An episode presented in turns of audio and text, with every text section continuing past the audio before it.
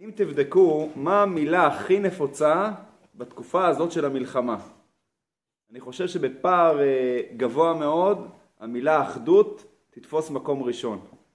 המילה אחדות עם כל ה... ביחד, אחדות, ביחד, עם כל ההטיות שלה. ביחד ננצח, כוחנו באחדותנו, ביחד ביחד. זה המקום הראשון שכולם עסוקים בעניין האחדות.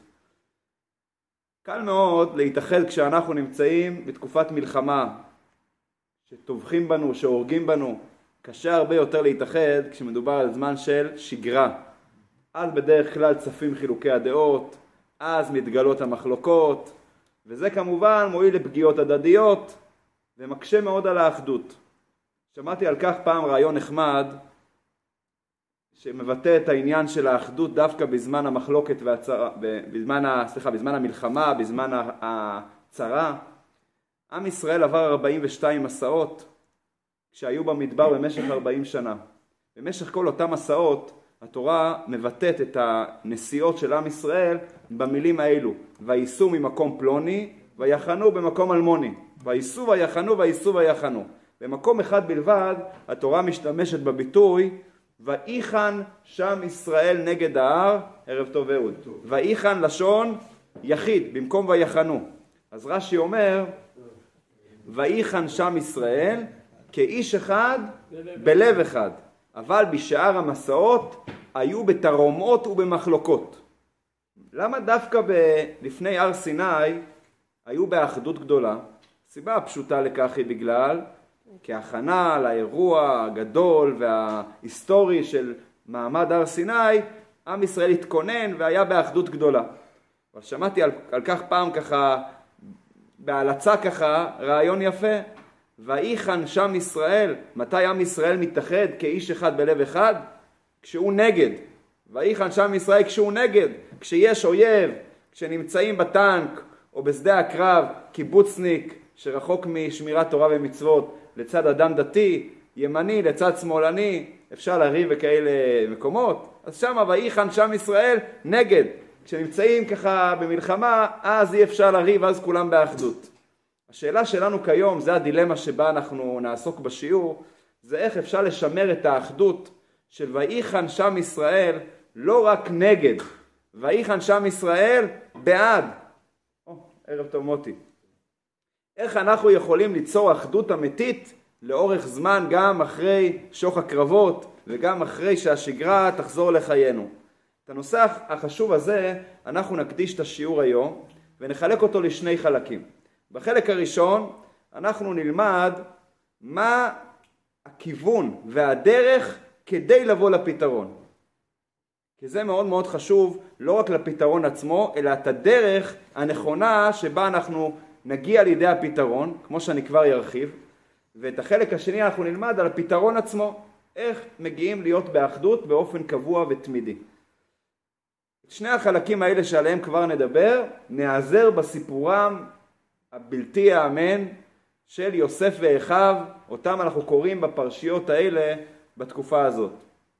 כדי להגיע לפתרון אמיתי של בעיה, עלינו קודם כל לפתור את הבעיה מהיסוד, לא רק לתת אקמול, הרגעה לכאב, אלא צריכים לפתור את הסיבה לכאב, לפתור את שורש הבעיה. אנחנו עוסקים היום בנושא שימור האחדות, פתרון המחלוקות. אסור לנו להתמקד רק בפתרון הבעיה לטווח הקצר בתקופת המלחמה. אנחנו צריכים לחשוב איך אנחנו פותרים את הבעיה, כמו שאומרים, מהשורש. בשביל זה אנחנו צריכים למצוא פתרון אמיתי ועמוק יותר. יש אגדה מפורסמת על אה, גשר שהיה ליד העיירה חלם. הגשר הזה, יום אחד נפער בו חור באמצע הגשר, והרבה אנשים שעברו במקום נפלו מהגשר, נפצעו, נהרגו, והיה צריך לפנות אותם ככה מהגשר לבית חולים הקרוב בעיירה חלם, וזו הייתה טרגדיה מאוד מאוד קשה. התכנסו כל אה, אנשי העיר חלם, חכמי העיר חלם, כדי לחשוב מה עושים עם המצוקה הגדולה שיש חור בגשר. ואז הם ישבו וחשבו והמסקנה שלהם הייתה כי השינוע הזה שמשנעים, שלוקחים את החולים, את הפצועים, מהגשר עד העיירה, הרבה אנשים מתים בדרך. ולכן הם החליטו על פתרון מיידי, לבנות בית חולים מתחת לגשר. כך כל מי שנופל, מיד מכניסים אותו לבית חולים וככה הוא לא יזדקק להסעה לבית חולים רחוק יותר. זה כמובן אה, אגדה שבאה לתאר, לתאר את החוכמה במרכאות, כשאדם פותר את הבעיה רק את התוצאה של הבעיה ולא את שורש הבעיה. במקום לסגור את הגשר, הוא מתמקד בתוצאה של הנפילה של הגשר. אז לכן אם אנחנו רוצים לפתור את הבעיה אמיתית, צריכים לפתור אותה מהשורש. לפתור, לסגור את הגשר ולא לבנות את הבית חולים מתחת לגשר. בדרך הזאת הסביר רבי דובר. רבי דובר היה בן של בעל התניא. כינו אותו בשם האדמו"ר האמצעי, זה היה הכינוי שלו. הוא הסביר פסוק מאוד מיוחד בספר התהילים. הפסוק אומר, הוא מתאר שמה, כשאדם נמצא בעת צרה והוא חוזר בתשובה בגלל הצרה. אז הפסוק אומר בתהילים את המשפט הבא: אווילים מדרך פשעם ומעוונותיהם יטענו. אווילים, מה זה אווילים? טיפשים. למה לקרוא לבן אדם טיפש אם אדם חזר בתשובה? אז הוא הסביר את זה בצורה מעניינת. הוא אמר כך: החרטה של האדם שמתחרט רק על העוונות שלו, רק על התוצאות, זה חרטה אווילית. למה? כי אם אדם הולך בדרך וכל פעם הוא נכשל ונופל, מועד, והוא ממשיך ללכת באותה דרך, וכל פעם כשהוא נופל הוא אומר אוי, מצטער על זה שהוא נפל. אז הצער הזה הוא אמנם צער אמיתי, אבל הצער צריך להיות לא על זה שהוא נפל, אלא על זה שהוא בחר בדרך הלא נכונה. תחליף דרך ושם לא תיפול. אז ככה הוא מסביר, אווילים, הטיפשות שלהם זה מדרך פישה, מהדרך הלא נכונה, דרך הפשע. מה הם עושים אותם אווילים, אותם טיפשים? מעוונותיהם איתנו. הם רק מתענים על התוצאה שהם נפלו. הם לא חושבים שצריכים לפתור את הבעיה מהשורש ולהחליף את הדרך. זה ככה רעיון שממחיש את העניין. הרעיון החשוב הזה, שאם אנחנו רוצים לפתור בעיה, אנחנו צריכים לא לגשת לתוצאה, אלא לשורש הבעיה, ושם לטפל. הרעיון הזה אנחנו נלמד בסיפור של יוסף והאחים. הסיפור הזה הוא סיפור מאוד מאוד תמוה, חלק מסוים של הסיפור שעכשיו נלמד, והרעיון שלמדנו עכשיו יתבטא בסיפור הזה כמו שנראה עכשיו. יוסף היה מאוד אהוב על אבא שלו, נספר את הסיפור ככה בקצרה. יוסף היה מאוד אהוב על אבא שלו, יעקב, עד שהוא עשה לו כתונת פסים, בגד מיוחד, שזה גרם כמובן קנאה מאוד גדולה לאחים. הקנאה באה לידי שיא כאשר יוסף בא לאחים שלו ומשתף אותו, אותם בשני חלומות שהוא חלם, שהמשמעות של החלומות זה שהוא הולך להיות מלך והם הולכים להשתחוות לו להיות עבדים. וזה גרם להם לקנאה בלתי, איך אומרים, בלתי ניתנת לתיאור, עד כדי כך שיום אחד הכל הגיע לידי פיצוץ. כאשר יעקב פונה לבן שלו, יוסף, ואומר לו, לך תבדוק מה שלום אחיך שרואים את הצאן, תבדוק מה שלומם.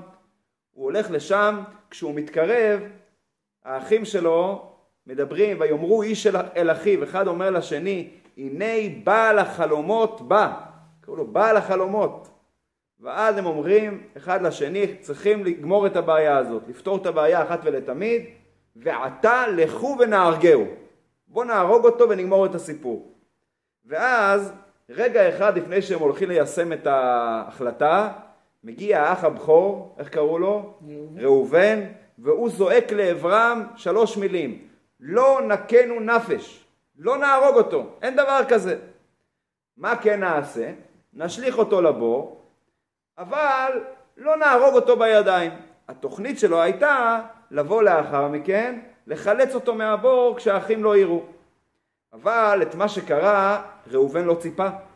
ראובן התרחק מהמקום, ואז פתאום הגיעה חבורת ישמעאלים, ויהודה, אחד האחים שהיה לו סמכותיות, היה לו את המלוכה הוא קיבל, את, ה... את התוקף, הוא אמר לאחים שלו, לכו ונמכרנו לישמעאלים, וידינו אל תהי בו, בוא נמכור אותו תמורת עשרים כסף. מצא חן בעיני האחים, מוציאים אותו מהבור, ומוכרים אותו לישמעאלים עד שהוא מתגלגל למצרים. ראובן חוזר לאחר מכן לבור והוא מגלה לתדהמתו שהבור ריק. שואל מה קרה, מתברר לו שמכרו את אה, יוסף לישמעאלים. ראובן לקח את זה מאוד קשה, התורה מתארת שהוא קורע את הבגדים וזועק, הילד איננו, ואני אנה עניבה. איך אני אספר לאבא שהילד איננו? הוא שבור. עברו 22 שנים, יוסף התגלגל למצרים, שם הוא התמנה, אחרי כל הסיפור התנ"כי, להיות משנה למלך מצרים, הרעב משתולל בכל העולם, ואז כולם יורדים למצרים, ביניהם האחים של יוסף. כשהם מגיעים ליוסף, הוא האחראי על החלוקה של המזון, הם לא מזהים אותו. ויכר יוסף את אחיו, והם לא הכירו. ואז הוא מטיח בהם, אתם מרגלים, מכניס אותם לכלא שלושה ימים, ביום השלישי הוא אומר להם, אני מוציא אתכם מהכלא, אני חושד בכם שאתם מרגלים, כדי להוכיח שאתם לא מרגלים, תשאירו פה את שמעון, ואתם תלכו להביא את בנימין שאמרתם שהוא נשאר עם אבא בארץ כנען. אם אני אראה שבאמת יש בנימין ואתם מביאים אותו, אני אגלה שהדברים שאמרתם הם דברי אמת. ואז כל הסיפור הזה סיפרתי בשביל הקטע הבא. הם יוצאים ממצרים, שמעון נשאר בכלא, הולכים להביא את אה, בנימין, והם שבורים מכל המעמד הזה, ואז התורה מתארת מה קרה. ויאמרו איש אל אחיו. אחד אומר לשני, אבל אשמים אנחנו על אחינו. אשמנו. אשר ראינו צרת נפשו, בהתחננו אלינו ולא שמענו. על כן באה אלינו הצרה הזאת. הם בעצם מגיעים למסקנה שכל הצרות שעכשיו הם אה, נפלו בהם, שמעון, בנימין, יעקב מה שעכשיו הוא יהיה עצוב, כל הסיפורים האלה באו בגלל סיפור שלפני 22 שנים שהם מכרו את יוסף וזה גרם להם חרטה, אשמנו, על כן, מה הלשון? אבל אשמים אנחנו. ואז כותבת התורה את התגובה המפתיעה של האח הבכור. הוא לא היה נוכח בזמן המכירה כמו שסיפרנו, מה הוא מגיב על החרטה של האחים שלו? ויען ראובן אותם לאמור. הלא אמרתי לכם אל תחטאו בילד ולא שמעתם וגם דמו הנה נדרש. מה ראובן אומר להם? אמרתי לכם. למה לא הקשבתם לי לא לפגוע בילד? וכאן נשאלת שאלה בסיסית. זאת תגובה מתאימה לאנשים שמצטערים מעומק הלב אומרים אשמנו, מתחרטים על המעשה הנפשע שהם עשו. תתארו לכם, אישה חוזרת מחנות עם כלי קריסטל יקר ששווה כמה מאות שקלים, מכניסה אותו הביתה בהתרגשות ומניחה אותו על הרצפה. הבעל אומר לאישה, אל תניחי אותו על הרצפה, הילד יכול לבוא בטעות לשבור אותו, לשבור את הכלי. האישה אומרת, אין בעיה, עוד רגע אחד אני מרימה את הכלי.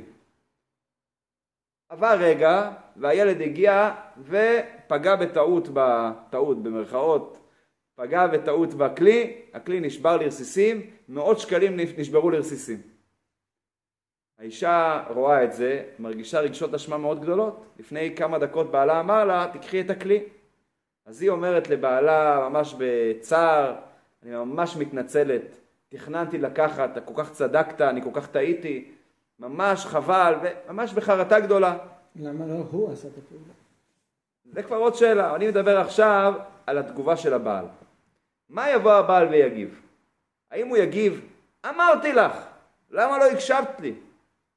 או שהוא אמור להגיב, לא נורא, הכל משמיים, נקנה כלי אחר, יפה יותר, יקר יותר, הכל יהיה בסדר. מה התגובה שהייתם מצפים? כמובן, תגובה שנייה, לא תגובה ראשונה, זה לא יפה, לא, לא, לא יפה, לא מתאים. זה נקרא אנושיות, זה נקרא סימפתיה, אמפתיה, פשוט להיות נחמד uh, לאדם בעת צרה. איך ראובן, אני חוזר על ידי המשל, איך הנמשל, איך ראובן כשרואה את האחים שלו נמצאים בתנועה של uh, מרמור וחרטה מעומק הלב, אשמנו, פועל כמו התגובה הראשונה, אמרתי לכם. אמרתי לכם אל תחטאו בילד, זה לא מתאים. אז הרבי מלובביץ' הסביר פעם, הסבר נפלא ביותר. ראובן לא התכוון להקנית אותם. הוא לא התכוון להגיד אמרתי לכם במובן של למה לא הקשבת אמרתי לכם. הוא התכוון ללמד אותם דרך נכונה, דרך אמיתית איך לחזור בתשובה. כשהוא שומע אותם שהם מתחרטים בגלל הצרה שנפלה עליהם, הוא מיד לימד אותם שהחזרה בתשובה שלהם היא לא טובה. למה? כי אם הם היו רק אומרים, אבל אשמים אנחנו, שהתחנן אלינו ולא שמענו, ראובן לא היה אומר מילה, היה מחבק אותם. אבל הם הוסיפו עוד כמה מילים. על כן באה אלינו הצרה הזאת. ראובן שומע שהחרטה שלהם זה לא על מה שהם עשו לילד. על מה הם מתחרטים? על כן באה אלינו הצרה הזאת. הם מתחרטים על זה שהם עכשיו נפלו עכשיו עם המשנה למלך מצרים שלקח להם את אח שלהם ועכשיו סיבך אותם עם האח הנוסף ועם אבא. זה החרטה שלהם, על התוצאה. הם לא התחרטו על הסיבה האמיתית, על החטא שהם עשו עם יוסף. וזה מה שראובן אומר להם. אמרתי לכם, אל תחטאו בילד. מה אמרתי לכם? אתם חוזרים בגלל הצרה, ואני אמרתי לכם אז, אל תחטאו בילד, תתחרטו על עצם המעשה, על הפגיעה בילד, זאת חרטה אמיתית. לא להתחרט רק על התוצאה שהובילה לכך שעכשיו נפלתם בצרה הזאת. זה הסבר מאוד מאוד נפלא, וזה נותן לנו בעצם הבנה מה הדרך נכונה לפתור דילמה. כשאנחנו רוצים לפתור דילמה, אנחנו לא נפתור אותה רק מהתוצאה, נפתור אותה מהשורש, מהסיבה למה הגענו לתוצאה הזאת. אם אנחנו רוצים אחדות אמיתית, אנחנו לא יכולים להסתפק רק באחדות זמנית, בגלל הצרה הזאת. על כן באה אלינו הצרה הזאת, אז מה נעשה? נתאחד ביחד, כי זה יהיה זמני. כשנחזור לשגרה בעזרת השם, שכל המלחמה בעזרת השם תיגמר בניצחון מוחץ, אז מה יקרה? שוב יתגלו המחלוקות, ושוב יתחיל לך מחלוקת. כי אין סיבה, לא, לא, לא, לא שינינו שום דבר. אם התאחדנו בגלל הצרה, רק כשתיגמר הצרה, נחזור לריב. ולכן אם אנחנו רוצים אחדות אמיתית, אנחנו צריכים לדעת לפתור את הבעיה מהשורש. לדעת שגם אם אנחנו לא מסכימים, וגם אם הדעות שלנו שונות מהקצה אל הקצה, גם אז צריכים להיות באחדות. אז מה שלמדנו בחלק הראשון של השיעור היה להבין מה הדרך הנכונה לפתור את הבעיה. לדעת לגעת בשורש הבעיה ולא בתוצאה של הבעיה. עכשיו אנחנו ניגש לחלק השני והחשוב, איך פותרים את זה, איך באמת אפשר עם אדם שאני לא מסכים איתו, לא רק שאני לא מסכים איתו, אני חולק עליו מכל וכול, להישאר איתו עדיין מאוחד, זה דבר לכאורה ממש בלתי אפשרי. אז אנחנו נחזור שוב לסיפור של יוסף והאחים, ומשם נלמד את הפתרון איך חיים באחדות גם עם אדם שאני לא מסכים איתו. בואו נחשוב רגע על יוסף. דיברנו קודם על ראובן והאחים, עכשיו נדבר על הצד של יוסף. יוסף היה יתום מאימא. איך קראו לאימא שלו? רחל. היא נפטרה כשהיא ילדה את אחיו בנימין, בעת לידתה נפטרה, והוא נשאר יתום. אבא שלו, שמאוד אהב אותו, ישב עליו שבעה בעודו חי. למה? כי כאשר האחים זרקו אותו לבור, ולאחר מכן מכרו אותו, מה הם סיפרו לאבא? טרוף, טורף, יוסף, חיה רעה אכלתו, שהוא נטרף. אז אבא ישב עליו שבעה. אז אין לו אימא, אבא יושב עליו שבעה, האחים שונאים אותו עד כדי כך שמוכנים למכור אותו תמורת בצע כסף, והוא נותר בודד בעולם, יורד למצרים, שם בגלל עלילת שווא הוא מוצא את עצמו 12 שנים בבית הכלא, עד שהוא מתגלגל ומגיע למשנה למלך מצרים. מה התחושה של ילד אומלל כזה כלפי האחים שהובילו אותו למקום הנמוך הזה? מה התחושה הטבעית של אותו ילד? לנקום, נקמה, שנאה, כל מילה שיכולה לתאר איזשהו, אה, אה, אני יודע מה, רגש של אה, כעס, קנאה, כל הרגשות ביחד כנגד אותם האחים שהרסו לו את החיים. עכשיו אחרי 22 שנות ניתוק, האחים יורדים ואיך אומרים, הגלגל התהפך. במקום שהוא הילד המסכן והעלוב, עכשיו הוא משנה למלך מצרים, והם ניגשים, פושטים יד לקבל אוכל. יש לו הזדמנות. הזדמנות לנקום, אבל הזדמנות ככה משובחת. להחזיר להם על כל מה שעוללו לו. ואכן, כאשר יוסף מתגלה לאחים שלו, מה התגובה הראשונית של האחים שלו? ולא יכלו אחיו לענות אותו כי נבהלו מפניו. הם קלטו את הסיטואציה. הם קלטו עכשיו שאותו ילד שהם זרקו אותו לבור והיו בטוחים שלא ישמעו עליו מעולם, עכשיו הוא נמצא עכשיו במעמד כזה שהוא יכול לעשות איתם כרצונו. כי נבהלו מפניו. ואז יוסף מפתיע את האחים שלו ומתחיל לנחם אותם. ככה תורה מתארת. ועתה אל תעצבו כי מכרתם אותי הנה כי למחיה שלחני אלוקים לפניכם. ואז הוא מסביר למה. כי זה שנתיים הרעב בקרב הארץ. ועוד חמש שנים אשר אין חריש וקציר. יש שבע שנות רעב, עברנו שנתיים, ויהי מקץ שנתיים ימים. יש לנו עוד חמש שנים עד שנגיע לסיום שנות הרעב. ועתה לא אתם שלחתם אותי הנה, כי למחיה שלחני האלוקים לפניכם.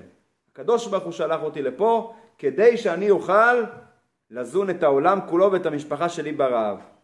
אותו אירוע חוזר על עצמו 17 שנים לאחר מכן, פרשה הבאה. ממש אותו אירוע כמעט מילה במילה.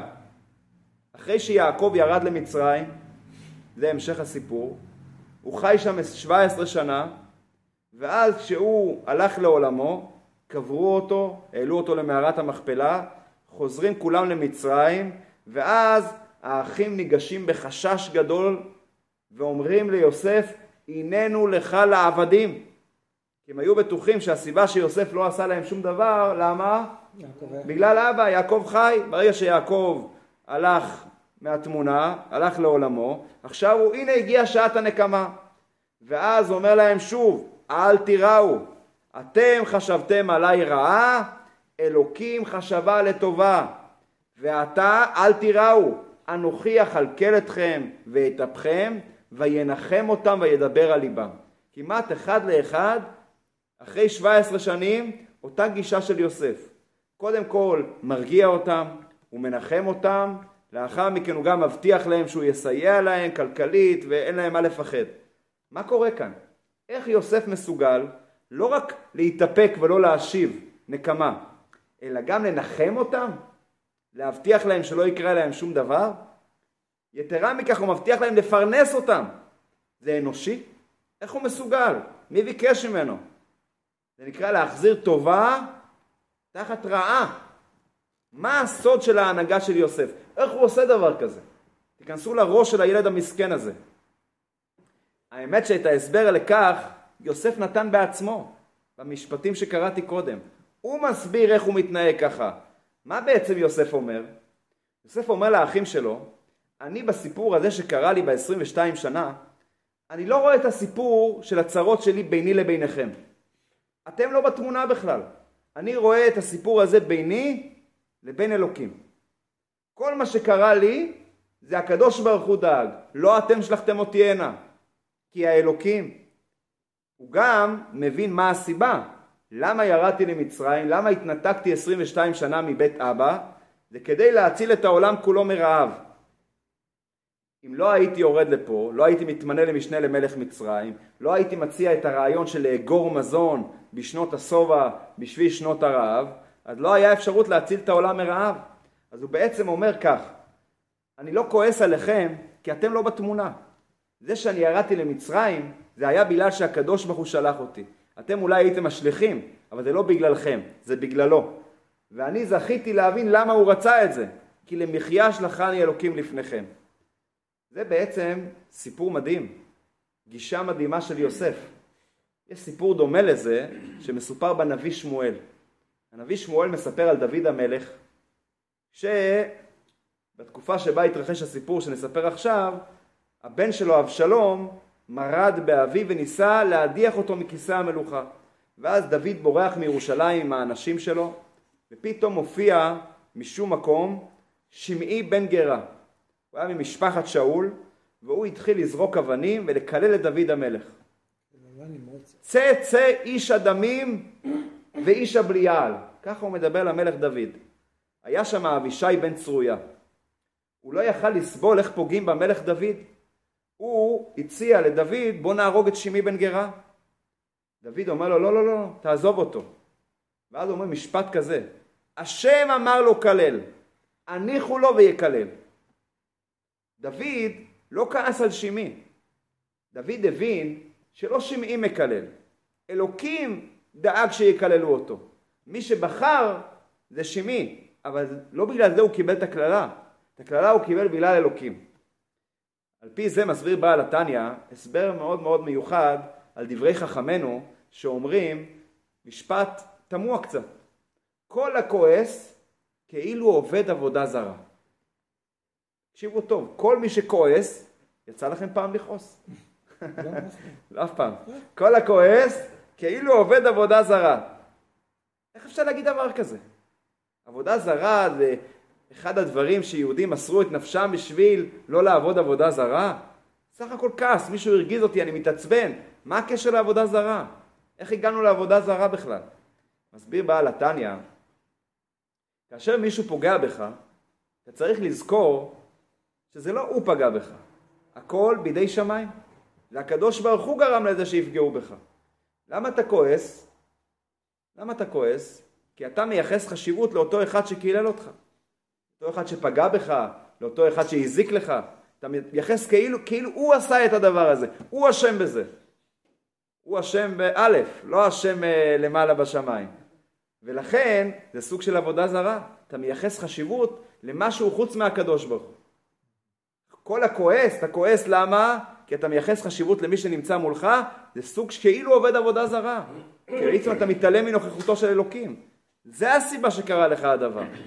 אמנם, וזה חשוב להדגיש, זה שבחר לקחת את המשימה הזאת ולהזיק לך, לקלל אותך, אמור להיענש על כך, אמור לקבל על זה עונש. יש לו בחירה חופשית. אבל הבחירה החופשית של האדם זה על עצמו, לא עליך. הבנתם? הוא בחר לעשות את זה, מגיע לו עונש. אבל זה שזה הגיע לך, זה לא בגלל שהוא בחר, אלא בגלל שהקדוש ברוך הוא בחר. בוא. הקדוש ברוך הוא לא בחר בו, למה? הוא בחר שהקללה תבוא אליך, שהנזק יבוא לך. איך יבוא? זה הוא נתן בחירה חופשית מי יבחר לקחת את הנזק ולעשות. אבל זה שזה הגיע אליך, זה בגלל שהקדוש ברוך הוא בחר. זה שאותו שמעי בחר לקלל, הוא לא בסדר, מגיע לו עונש. אבל זה לא הסיבה שאתה קיבלת קללה, זה הסיבה שהוא מגיע לו עונש. יש פה נקודה קצת עדינה, אבל זו נקודה מאוד חשובה. אני אסכם את הנושא. בעצם מה שאנחנו אומרים, שהכל מגיע מלמעלה. זה שיוסף הגיע לבור, זה לא בגלל האחים, זה בגלל שהקדוש ברוך הוא רצה. וזה שדוד קיבל קללה משמעי, זה לא בגלל שמעי, אלא בגלל שהקדוש ברוך הוא רצה. וזה שמישהו אז חטא... עונש. זה שהוא צריך לקבל עונש, לא. זה לא ממך, זה מהקדוש ברוך הוא, הוא צריך- לטפל? בו על כך שהוא בחר בחירה לא טובה. מה שדוד אמר לו, תעניש את שלמה. אני לא מספר את כל סיפורי התורה, אבל כל סיפורי הנביא, אבל עונש בוודאי צריכים לתת, אבל צריך לדעת את הדבר הבסיסי. הדבר הבסיסי הוא שזה שקיבלת את זה, זה בגלל שהיה מגיע לך. זה שצריכים לטפל בעבריין, ברור שצריכים לטפל בו, אבל זה לא צריך לגרום לך כעס. הכעס נגרם, למה הוא עשה לי? למה הוא פגע בי? זה הכעס, נכון? לא הכעס על זה שהוא לא מתנהג כמו שצריך. ולכן, כל הכועס כאילו עובד עבודה זרה. אם אנחנו נסכם את הנושא שדיברנו היום, זה בעצם שיטת יוסף, השיטה המיוחדת של יוסף. יוסף רואה את כל מה שקרה לו, הוא יודע מי עשה את זה, אבל הוא לא כועס, כי הוא יודע כל התלאות בחיים שלו זה עשה הקדוש ברוך הוא. לא אתם שלחתם אותי הנה כי האלוקים. ולכן היצר של לרדוף ולנקום לא קיים. יתרה מכך, יוסף אפילו מתגבר ונותן טובה תחת רעה. למה? הוא אומר לעצמו, כל הסיפור הזה שאתם עשיתם, סך הכל הוביל לטובתי, בזכות זה אני משנה למלך מצרים. ולכן הוא לא כועס עליהם. הבחירה שלהם הייתה שגויה בלשון המעטה. אבל לא בגלל זה קיבלתי את זה, אומר יוסף. קיבלתי את זה בגלל הקדוש ברוך. זה שיטתו של יוסף. אז אם אנחנו ניקח את שיטת יוסף, יוסף הצדיק, אפשר לקרוא לה שיטת מצליח, כיוון שיוסף נקרא איש מצליח, ויהי יוסף איש מצליח. כך שיטת יוסף איש מצליח, איך אנחנו מצליחים להתגבר על מחלוקות, איך אנחנו מצליחים להתגבר על פגיעות הדדיות? מה? כשאנחנו נזכור שמי שפגע בנו, שמי שחולק עלינו, ואנחנו מרגישים אולי בגלל זה פגיעה אישית, הפגיעה האישית היא לא ממנו, זה מהקדוש ברוך אולי הוא בחר לא נכון, אבל הפגיעה זה לא בגללו. כשאנחנו נזכור את התובנה הזאת, זה קל יותר להגיד, יותר קשה ליישם, אבל זה בעצם השיטה של יוסף, ואם יוסף הצליח בגדול כל כך על כזה באמת מעשה לא יאומן שהאחים עשו לו, הצליח למחול ולהתגבר, אז אנחנו יכולים בקטן. לזכור שגם אם מישהו מטיח בנו משהו, מקלל אותנו, יורד עלינו, פוגע, אפילו מזיק לנו איזה נזק, לזכור שלא הוא אשם, אלא השם אשם. הוא בחר בזה, הוא לא בסדר, אבל אנחנו לא צריכים לקחת את זה אישית, פגיעה שהוא פגע בנו. זה בעצם הנקודה של שיטת יוסף. אם כולנו ניקח את זה, אין ספק שזה יוריד את המחלוקות, כיוון שהמחלוקות בעיקר נובעות מפגיעות אישיות. שאדם נפגע באופן אישי ואז הוא משיב ככה מלחמה. זה עיקר המחלוקות. ואני רוצה להגיד דבר חשוב לקראת סיום. השיטה של יוסף היא לא שיטה רק של יוסף. אם אנחנו למדנו את זה בתורה, אם התורה מספרת לנו, היא באה ללמד אותנו שאנחנו ככה צריכים להתנהג. לא סתם התורה מספרת לנו על זה. וכך הזוהר הקדוש אומר שכל אחד צריך ללמוד מיוסף איך להתנהג עם הזולת. להתגבר על מידת הכעס, להתגבר על מידת הנקמה ולגמול טובה תחת רעה. ובזוהר יש שם סיפור מאוד מאוד מרגש. הזוהר מספר על אחד החכמים שקראו לו רבי אבא, שפעם הוא ישב בפתח העיר לוד. כשהוא יושב שם הוא מבחין בסיטואציה ממש מפחידה. אדם מגיע מהדרך, עייף, לוקח איזה גזע עץ, שוכב עליו, ופתאום הוא מבחין רבי אבא שמגיע נחש, נחש ארסי, מתקרב לאותו איש שישן ולא שם לב, ורגע אחד לפני שהוא בא להקיש אותו, נופל איזה גזע, איזה ענף מתוך העץ, על הנחש בדיוק והורג אותו. אותו אדם קם בבהלה מהרעש, הוא נעמד, ברגע שהוא נעמד, כל הגזע עליו הוא ישן, קרס לתוך תהום, נפער איזה בולען או שזה היה קרוב לתהום, וככה הוא ניצל פעמיים ממוות בטוח. פעם אחת מהנחש, פעם שנייה מהנפילה. רבי אבא ניגש אליו בהתפעלות מהסיטואציה המפחידה, והוא אומר לו, אתה חייב לספר לי מה מעשיך. פעמיים ניצלת בתוך זמן קצר עם מוות בטוח. האיש אומר לו, אני איש פשוט. רבי אבא לא מוותר לו, תספר לי מה, מה הסוד שלך. ואז הוא אומר לו כך, כל חיי אני מקפיד להתפייס ולמחול לכל מי שעושה לי רע. אם לא הצלחתי להתפייס איתו, אני לא הולך לישון עד שאני מוחל לו, בלב שלם. ולא די בכך, אני משתדל לגמול לו טובה תחת רע. רבי אבא בכה, כך אומר ספר הזוהר, ואמר את המשפט המדהים הזה, מעשיך גדולים יותר ממעשי יוסף הצדיק. כי יוסף הצדיק, למי הוא מחל? למי הוא גמל טובה תחת רעה? לאחים שלו, בסופו של דבר זה עדיין בן משפחה. ואילו אתה גומל טובה תחת רעה, לכל אדם, גם, מישהו, גם למי שהוא לא מהמשפחה שלך, לך ראוי שהשם יעשה נס כפול. ולסיום אני אספר בסיפור יפה, שממחיש לנו כמה חשוב לתת נתינה מבלי חשבונות. בלי לעשות חשבונות. מגיע לו, לא מגיע לו, הוא עשה לי, לא עשה לי. יש סיפור יפה מאוד על יהודי שהיה נוהג בכל בוקר לתת תרומה לאחד מגדולי החסידות שקראו לו רבי זושה מהניפולי.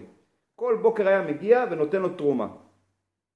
באותה תקופה שהוא נותן את התרומה לרבי זושה, הוא זוכה להצלחה גדולה מאוד בעסקים. והוא מיד מיד מקשר את זה לתרומה שהוא התחיל לתת לרבי זושה. בזכות זה אני מצליח בעסקים. יום אחד הוא מגיע לתת את התרומה הקבועה, ולמרבה הפתעתו רבי זושה לא נמצא. הוא שואל, איפה רבי זושה? אומרים, אה, לא שמעת? הוא נסע לרבי שלו. הרבי שלו, זה קראו לו המגיד ממזריץ'. אומר אותו יהודי לעצמו, וואי וואי וואי, אני נותן תרומה לרבי זושה, הוא רק תלמיד, חשבתי שהוא הרבי הגדול. אם אני אתן את התרומה לרבי שלו, אז בוודאי שכל המחזור הכספים שלי, כל ההצלחה שלי, תהיה הרבה יותר גבוהה. הוא נסע מיד למזריץ' ונתן תרומה מאוד גדולה למגד עם מזריץ', ואת התרומה של רבי זושה הוא הפסיק לתת. מה קרה? הנה, אתם כבר יודעים, לא עברה תקופה והגלגל התהפך, הוא התחיל להפסיד. הוא הבין מיד שמשהו פה לא טוב, הוא פנה לרבי זושה ושאל אותו איך יכול להיות.